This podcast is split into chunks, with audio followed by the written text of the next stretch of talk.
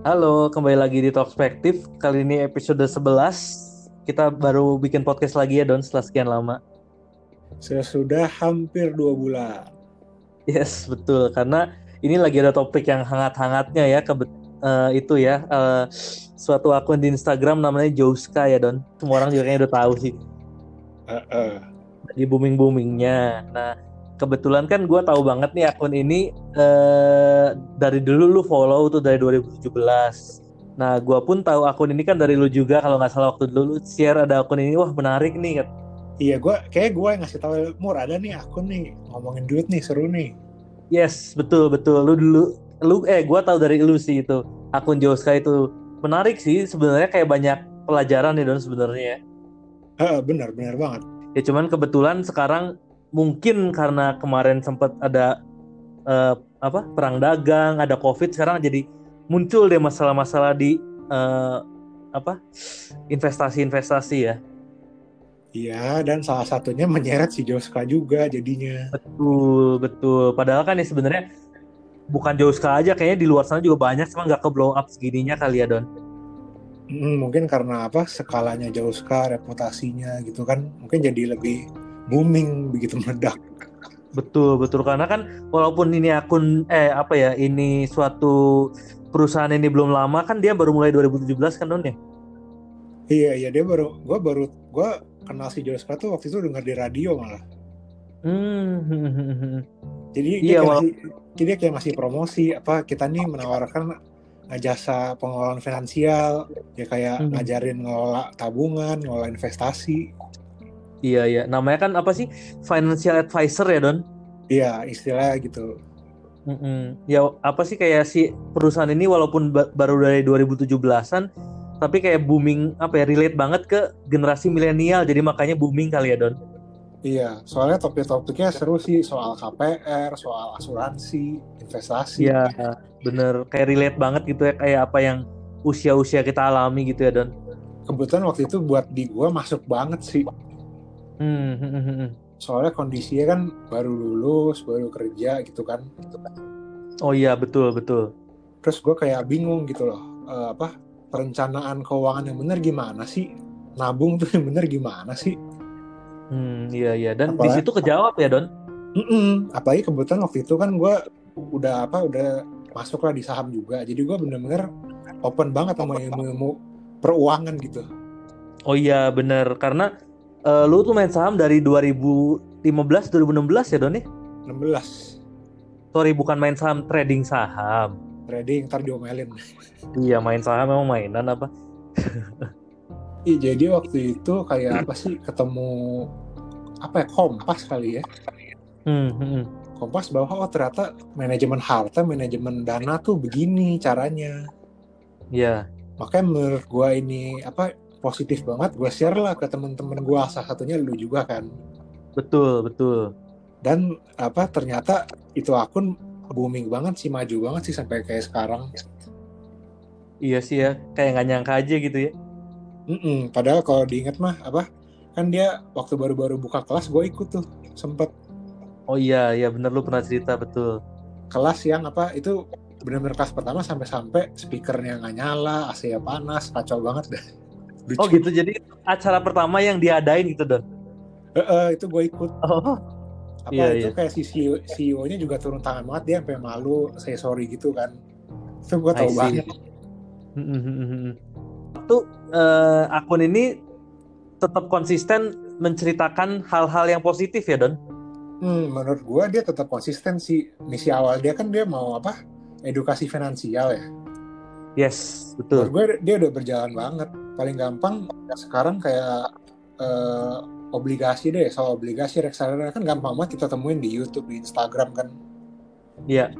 Kayaknya waktu 2017 nggak segampang itu sih nyari informasi soal itu semua. Hmm, betul. Dan si Joska inilah yang memulainya salah satunya kali ya. Bener. hmm. Kayaknya sih setahunya gua nggak tahu ya sebenarnya. Iya sih kadang kadang kayak banyak juga akun lain yang kita juga nggak nggak bisa discover semua ya. Uh, bener. Sekarang kan boomingnya dia bermasalah lah, karena kan kalau kita baca atau kita telah berita kan seharusnya dia itu financial advisor, tapi ternyata activity yang dilakukan tuh seperti manajer investasi, iya nggak sih Don? Oh iya, kayaknya kalau di berita banyak dikaitin sama masalah izin OJK gitu-gitu ya. Iya sih Don, yang harus ada izin OJK tuh yang mengelola uang gitu. Oh kalau ada kelolaan dana kayak sekuritas tuh mesti OJK gitu ya? Ya betul. Di dalamnya ada pengelolaan uang kayak ya sekuritas atau manajer investasi atau peer-to-peer lending yang ada ada returnnya, ada uang yang ditaruhnya. Nah itu harus harus ada izin OJK gitu. Hmm. Kalau uh, apa financial advisor kayak Joska itu nggak harus sih, karena dia kan cuma kayak apa ya ngasih saran doang seharusnya. Iya, kayaknya sih yang sama ini dia apa coba jual jasanya kan memang di lingkup itu aja ya. Ya betul, seolah-olah itu kan. Tapi kenyataannya dari beberapa kasus yang sekarang ke blow up tuh ternyata mengelola dana juga gitu. Jadi ya entah kenapa di situ kayak banyak keanehan itu kayak kok nggak kok bisa nggak ada batasan uh, cut loss sekian gitu, nggak ada gitu. Eh dia kan nggak bilang kalau akan di blue chip lebih banyak, akan di gorengan dikit enggak kan? Uh, enggak, memang enggak. Dan kita mempermasalahkan dia di last 70% karena ilmu yang diajarin harusnya nggak gitu kan. Gimana sorry Don tadi? Apa kita dan orang-orang mempermasalahkan dia masuk lak 70%. Iya, betul. Karena itu nggak sesuai sama yang diajarin kan. Yes, betul. Tapi kan di kontrak nggak dibilang demikian. Iya gitu, jadi kayak gue nggak nangkep aja sih kayak nggak ada poin korelasinya gitu antara ilmu yang diajarkan sama yang dijalani gitu. Iya, itu dia yang sayang banget. Iya nggak sih? Kayak lu kan selama ini ngejual ilmu yang se yang seharusnya diharapkan oleh calon klien lu akan terjadi di kehidupan dia kalau dia ikut Jouska kan? Oh, gue ngerti deh. Berarti kita menyampaikannya gini ya. Apa, uh, selama ini kita di kita diceritain nih bahwa manajemen investasi yang baik tuh uh, begini begini begini begini resikonya seperti ini diversifikasi seperti ini yes betul. Tapi ternyata begitu udah menjadi begitu dia membeli jasanya kok nggak sesuai sama yang dia ceritain sama ini? Nah ya itu poinnya. Nah menurut gue kebetulan. Gue sih nangkepnya kebetulan laknya ini kagak terbang-terbang. Iya masalahnya gini loh dan. Kalau gue nih ya misalkan ada teman gue nitipin dananya di gue ya, ya.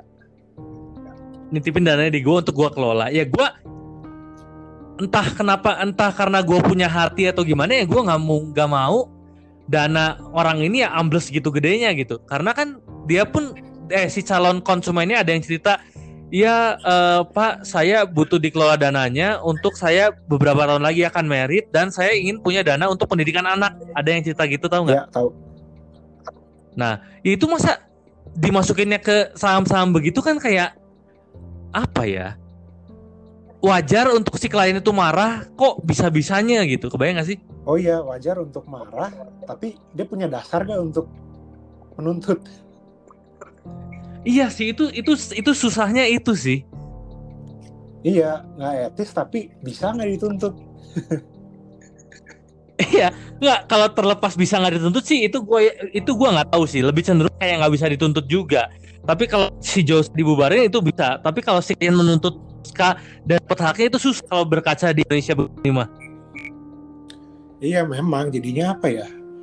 Apa yang dia sama ini jualin ternyata kan realisasi nggak begitu iya sih itu doang sih yang gue kecewain sih sebenarnya jadinya kan cuma menghasilkan ya customer yang kecewa kan uh, uh, uh, uh. cuma sebagai nggak tahu misi dia apa. Mungkin sebagai company misi dia secara di atas kertas masih oke. Okay. nggak salah. Misi sih iya. Kalau misi sih iya. Tapi kalau eh, realita aktivitasnya enggak sih kalau kata gue dan. Realitanya enggak. Tapi mungkin di atas buku laba rugi tetap oke. Okay. sebagai bisnis tetap cuan. Oh ya iya. Iya itu sih. Kalau tujuan iya. utamanya making profit ya iya jelas. Jadinya apa mungkin kita mencoba memisahkan ekspektasi image sama janji-janji dengan apa yang bakal kita dapat dengan perjanjian gitu loh dengan kontraknya Hmm. Uh, gini deh, sama ini kan kita baca cerita Joska. Iya. Dia kan bisa kan kayak, oh ada klien nih, punya utang sekian sekian sekian, terus si Joska bantuin nego ke bank dengan dasar gini gini gini. Ada lagi kayak soal bagi-bagi warisan, soal pisah harta suami istri kan dia kayak jago banget kan. Iya. Jadi menurut gua sah-sah aja kalau dia bisa menjebak klien dengan skema kayak begitu, dengan skema yang secara etika lu akan ngomel-ngomel kok Joska gitu sih tapi secara hukum ya sah-sah aja nggak masalah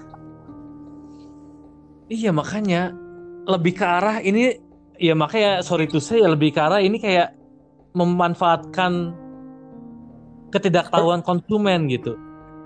Ketidaktahuan dan kepercayaan kan ya?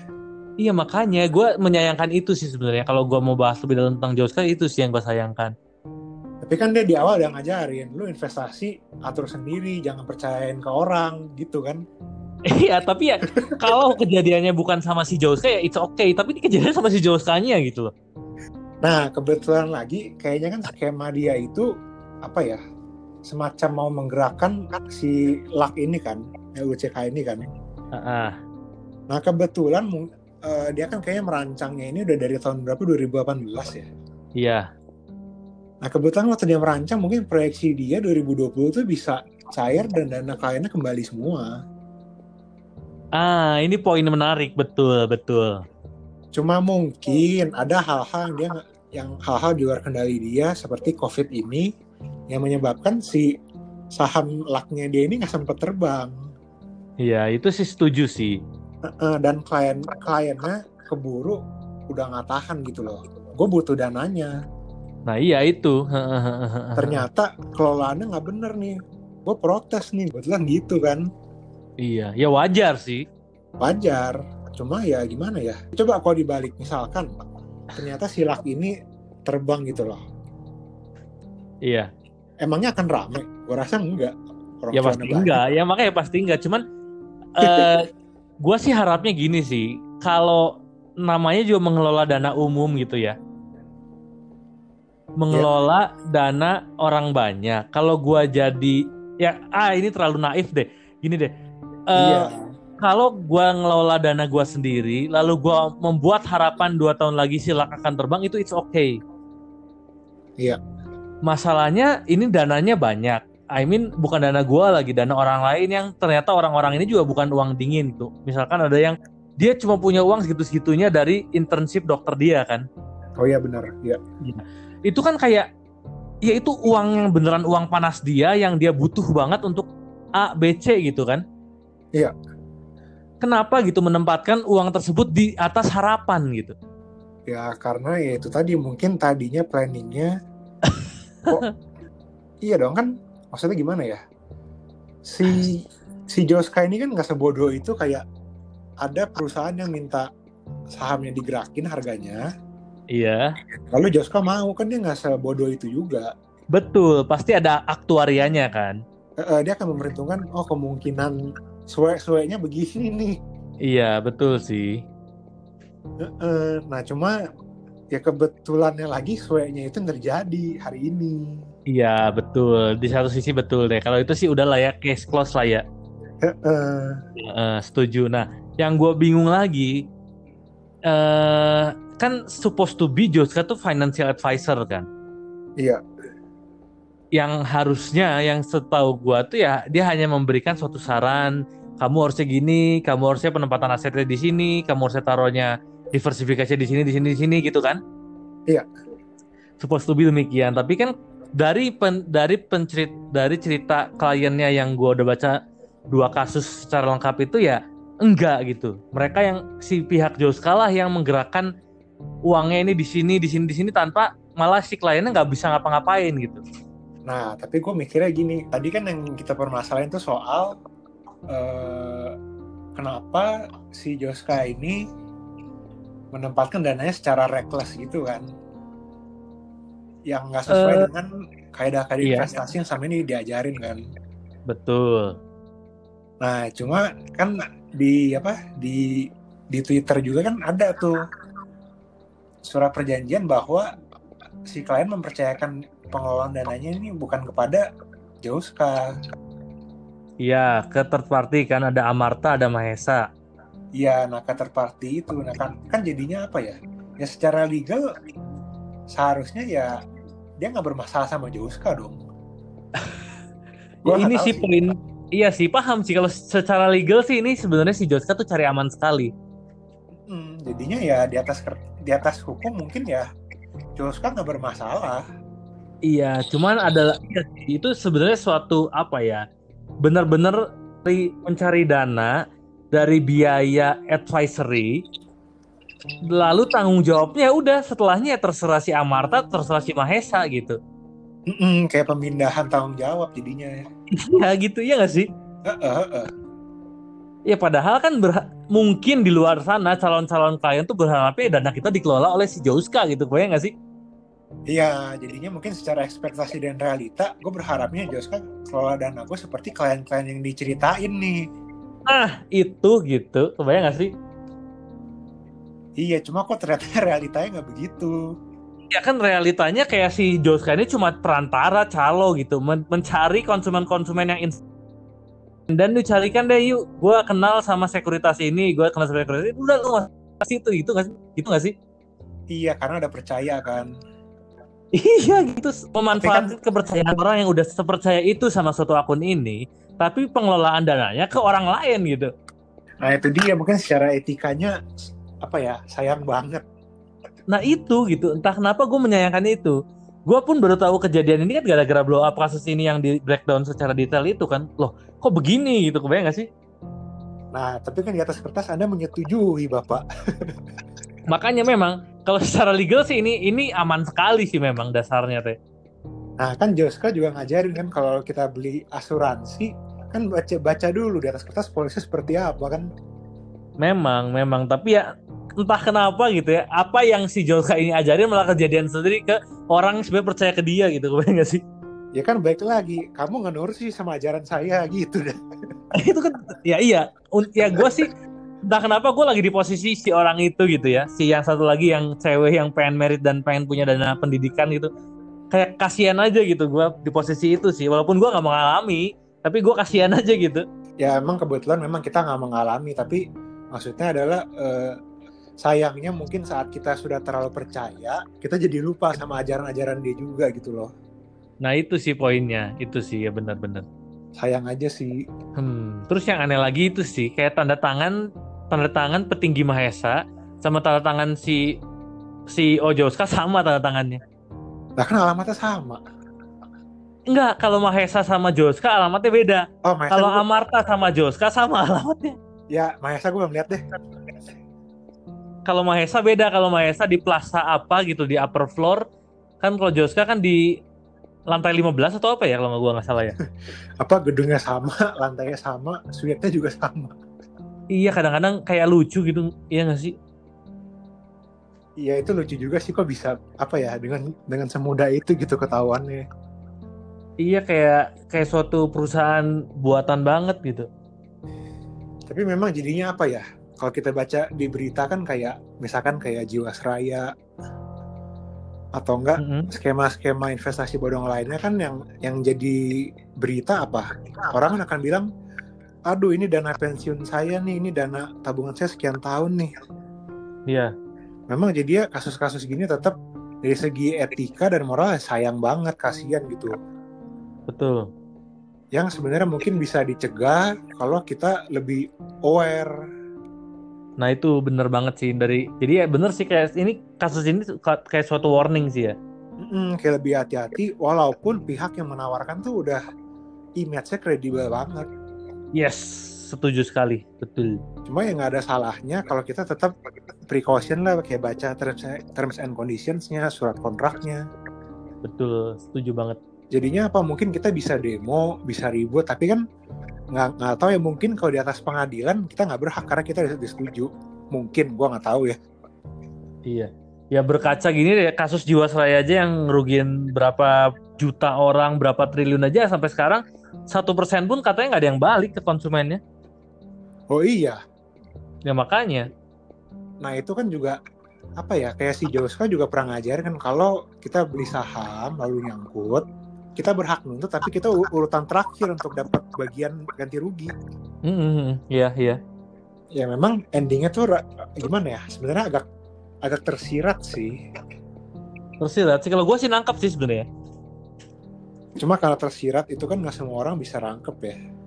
Yes. Jadi gini sih kayak dari Joska tuh gue jadi belajar banget soal kita harus hati-hati sama namanya legal sama namanya kontrak gitu kan gitu kan iya itu setuju betul nah memang ya jadi ya dia sendiri yang mengajarkan gue buat lebih hati-hati gitu loh cuma hmm.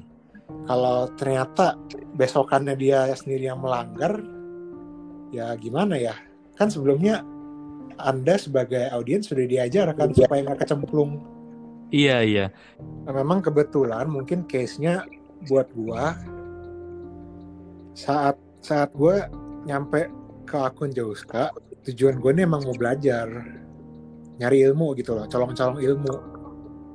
Betul. Gue memang dari awal nggak bertujuan untuk uh, pakai jasa dia. Betul. Jadinya kalau besok-besok dia berulah, ya udah gue udah dapat ilmunya Iya. Tapi ya, kan sengaja udah iya ya. Iya, sengaja kan gue dapet ilmu. Tapi kan memang nggak semua orang ekspektasi kayak gue kan. Yes. Mungkin ada orang yang dia lagi kerja, lagi capek-capeknya nih terus ketemu lagi butuh-butuhnya nih pihak yang bisa membantu pengelolaan dana dia. Iya. Nah, jadinya mungkin karena dia tujuannya mencari uh, apa? Ya memang mencari financial advisor, dia nggak melihat jauh sekali sebagai sumber ilmu gitu loh. Iya, benar sih. Jadi, iya, yang ngerti sih gue ngerti. Iya kan, jadi kan interpretasi dia sama gue bakal beda. Iya, tergantung tujuan kita sendiri apa awalnya gitu ya. Mm-mm. Nah mungkin dengan uh, tujuan gue menghindarkan gue terjebak dalam skema dia. betul, betul. Iya sih. Ya, ya intinya ya tetap sih kayak kasus ini buat bahan pembelajaran kita semua juga. Kalau yang paling penting sebenarnya ngelola keuangan tuh ya kita sendiri gitu, bukan mengandalkan orang lain gak sih? Iya ya paling bener pengelolaannya dari diri kita sendiri supaya kalau ada kejadian-kejadian, risiko-risiko yang terjadi itu sebelumnya kita secara sadar tahu kita akan ketemu sama risiko itu.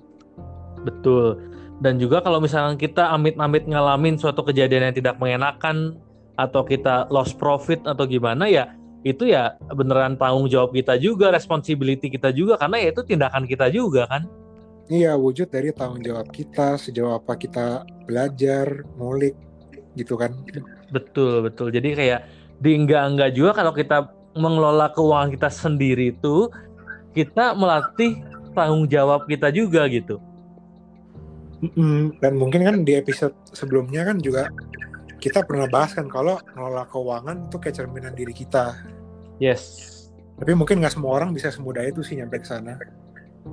Iya iya iya bener sih. Cuma ya poinnya adalah dengan kita mulai ngaudit keuangan kita sendiri kita jadi tahu posisi kita gimana sih. Butuhnya gimana sih. Jadi kan setiap keputusan yang kita ambil tuh jadi sadar dan resikonya tahu. Iya. Jadi iya. ya terhindar dari case-case begini lagi. Betul.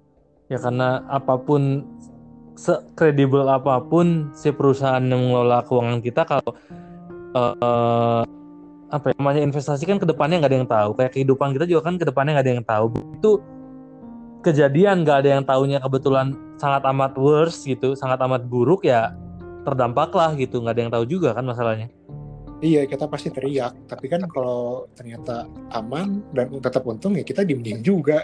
Iya, makanya. ya poinnya udah dapet sih ya kayaknya dari kasus Joska ini. Tapi ya oke okay lah. Kalau misalkan buat orang-orang yang memang mencari financial advisor itu ya. Ada juga orang yang tidak dilahirkan untuk bisa mengelola keuangan sendiri. Ya, kalau gitu financial advisornya lebih teliti lagi gitu ya, lebih bijak lagi dan lebih pelajarin tentang legalnya lagi gitu ya. Iya mungkin bisa dilihat dari sertifikasinya kali ya. Wah, itu gue nggak nggak kurang paham tuh kalau yang itu sertifikasi. Soalnya kan kayak apa untuk lu bisa berjualan berjualan jasa financial advisory kan ada lagi namanya CFP ya. Wah, gue jujur kurang paham Don. Gue juga nggak ngulik sejauh itu sih cuma ya ya ada baiknya kita mulai kalau mencari jasa advisory itu mulai pelajarin juga apa-apa sih mesti dilihat. Ya, benar benar benar. Spesifikasi apa sih yang harus kita validasi dulu gitu ya? Uh, mungkin harus ada sertifikat apanya, harus ada track record seperti apanya. Betul. Ya tapi kembali lagi itu pun tidak bisa 100% menjamin namanya investasi kan ada risk yang harus kita tanggung juga sebenarnya. Uh, baik lagi itu bukan jaminan tapi cuma gimana kita manajemen resikonya sih. Iya, iya. Ya tetap aja sih ke depannya gue pun ya tetap akan kalau akun kalau akun si Joskanya masih ada pun ya gue tetap akan follow dan tetap akan baca sih. Hmm, ya soalnya informatif banget kok. Walaupun cara-cara mungkin suka kontroversial juga. Iya ya karena kadang-kadang bridging ceritanya tuh membuat kita insecure sih di satu sisi. Itu kan mungkin cara dia buat relate kali ya, buat menjaring lebih banyak audiens kali ya. iya iya kan apa me mengincar sisi emosional kali ya. Ya kebetulan sih buat buat gue pribadi nggak pernah nyampe kena emosional sih karena buat gue cerita yang dia pakai tuh tetap ada ilmunya. Jadi ya betul ya itu ya ya. Jadi gimana ya gue kayak gue nge-follow dia terlepas kata orang dia itu menyebar ketakutan bikin sikut tapi buat gue ya gue cuma ngambil yang gue mau tahu aja.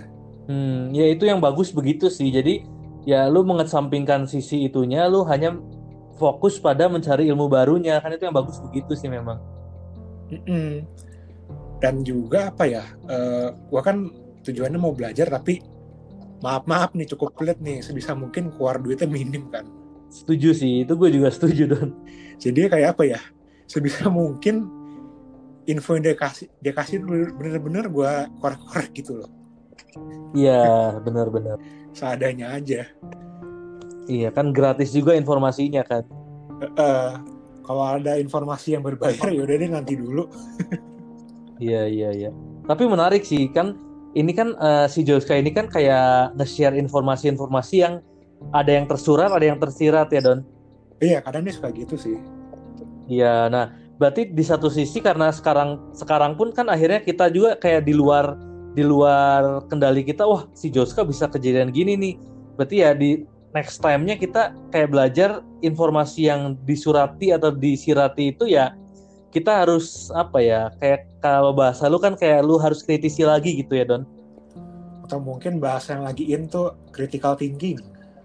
Nah betul. Jadi ya gak serta merta langsung ditelan juga dan seolah-olah langsung relate ke kehidupan kita juga ya nggak juga gitu. Uh, uh, atau nggak paling gampang gue mikirnya gini sih kayak si Jauh ngasih konsen. Iya dia itu kan bukan lembaga sukarela kan. Iya bukan yayasan amal. Bukan yayasan jadi kan tujuan dia kan dia tetap mau jualan jasa dia tetap mau jualan kelas gitu loh. Nah betul itu kayak suatu sudut pandang yang harus kita sadari dulu dari awal gitu. Uh, uh, maksudnya untuk untuk apa untuk sekelompok orang membuat konten seberbobot dia tuh susah loh. Setuju effortnya gede. Mm -mm, jadi kalau dia ujung-ujungnya jualan kelas jualan jasa ya udah jangan terima aja gitu loh Iya ya, toh uh, apa ya masih dalam batas yang wajar kok ya. Mm-mm, toh walaupun gue nggak jasa dia, gue tetap dapat ilmu dia walaupun nggak full. Betul betul betul.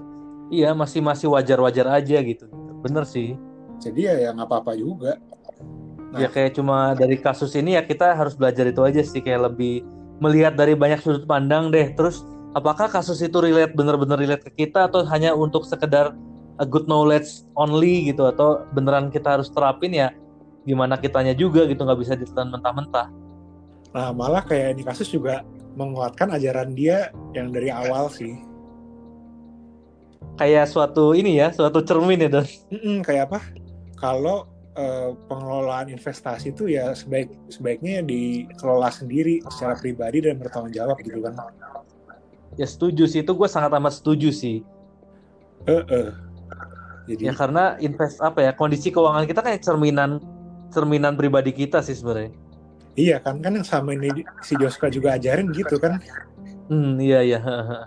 Kebetulannya ternyata kasusnya di dia juga ya udah mau gimana.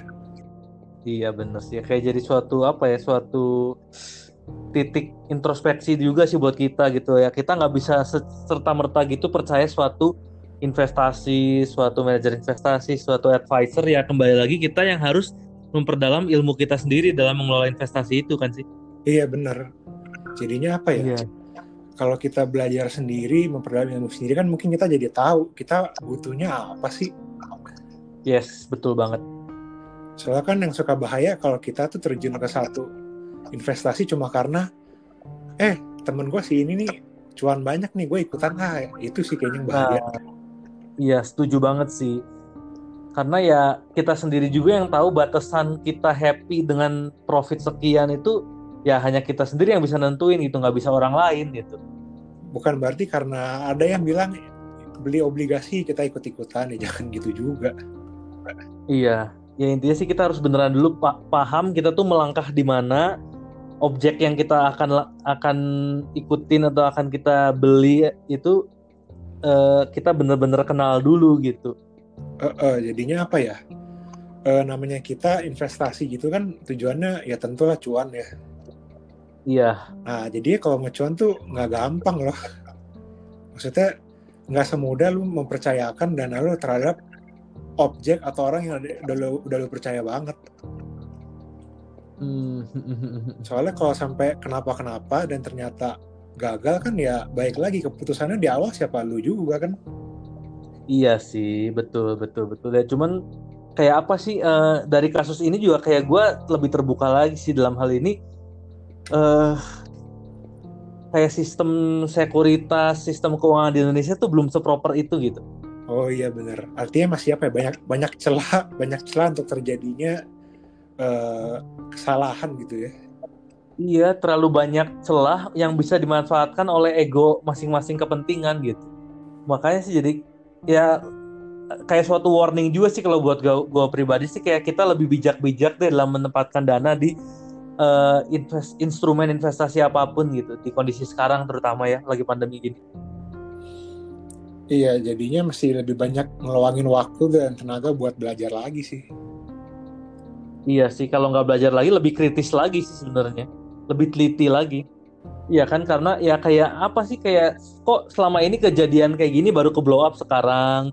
Setelah ada kliennya yang udah rugi banyak ngomong baru sekarang diungkit. Kenapa selama ini uh, sistem pengawasannya tuh kayak nggak ada aja gitu kebayang nggak sih? Soalnya apa ya? Uh, model-model investasi atau pengelolaan dana gitu tuh kalau udah rugi atau nyangkut baru rame.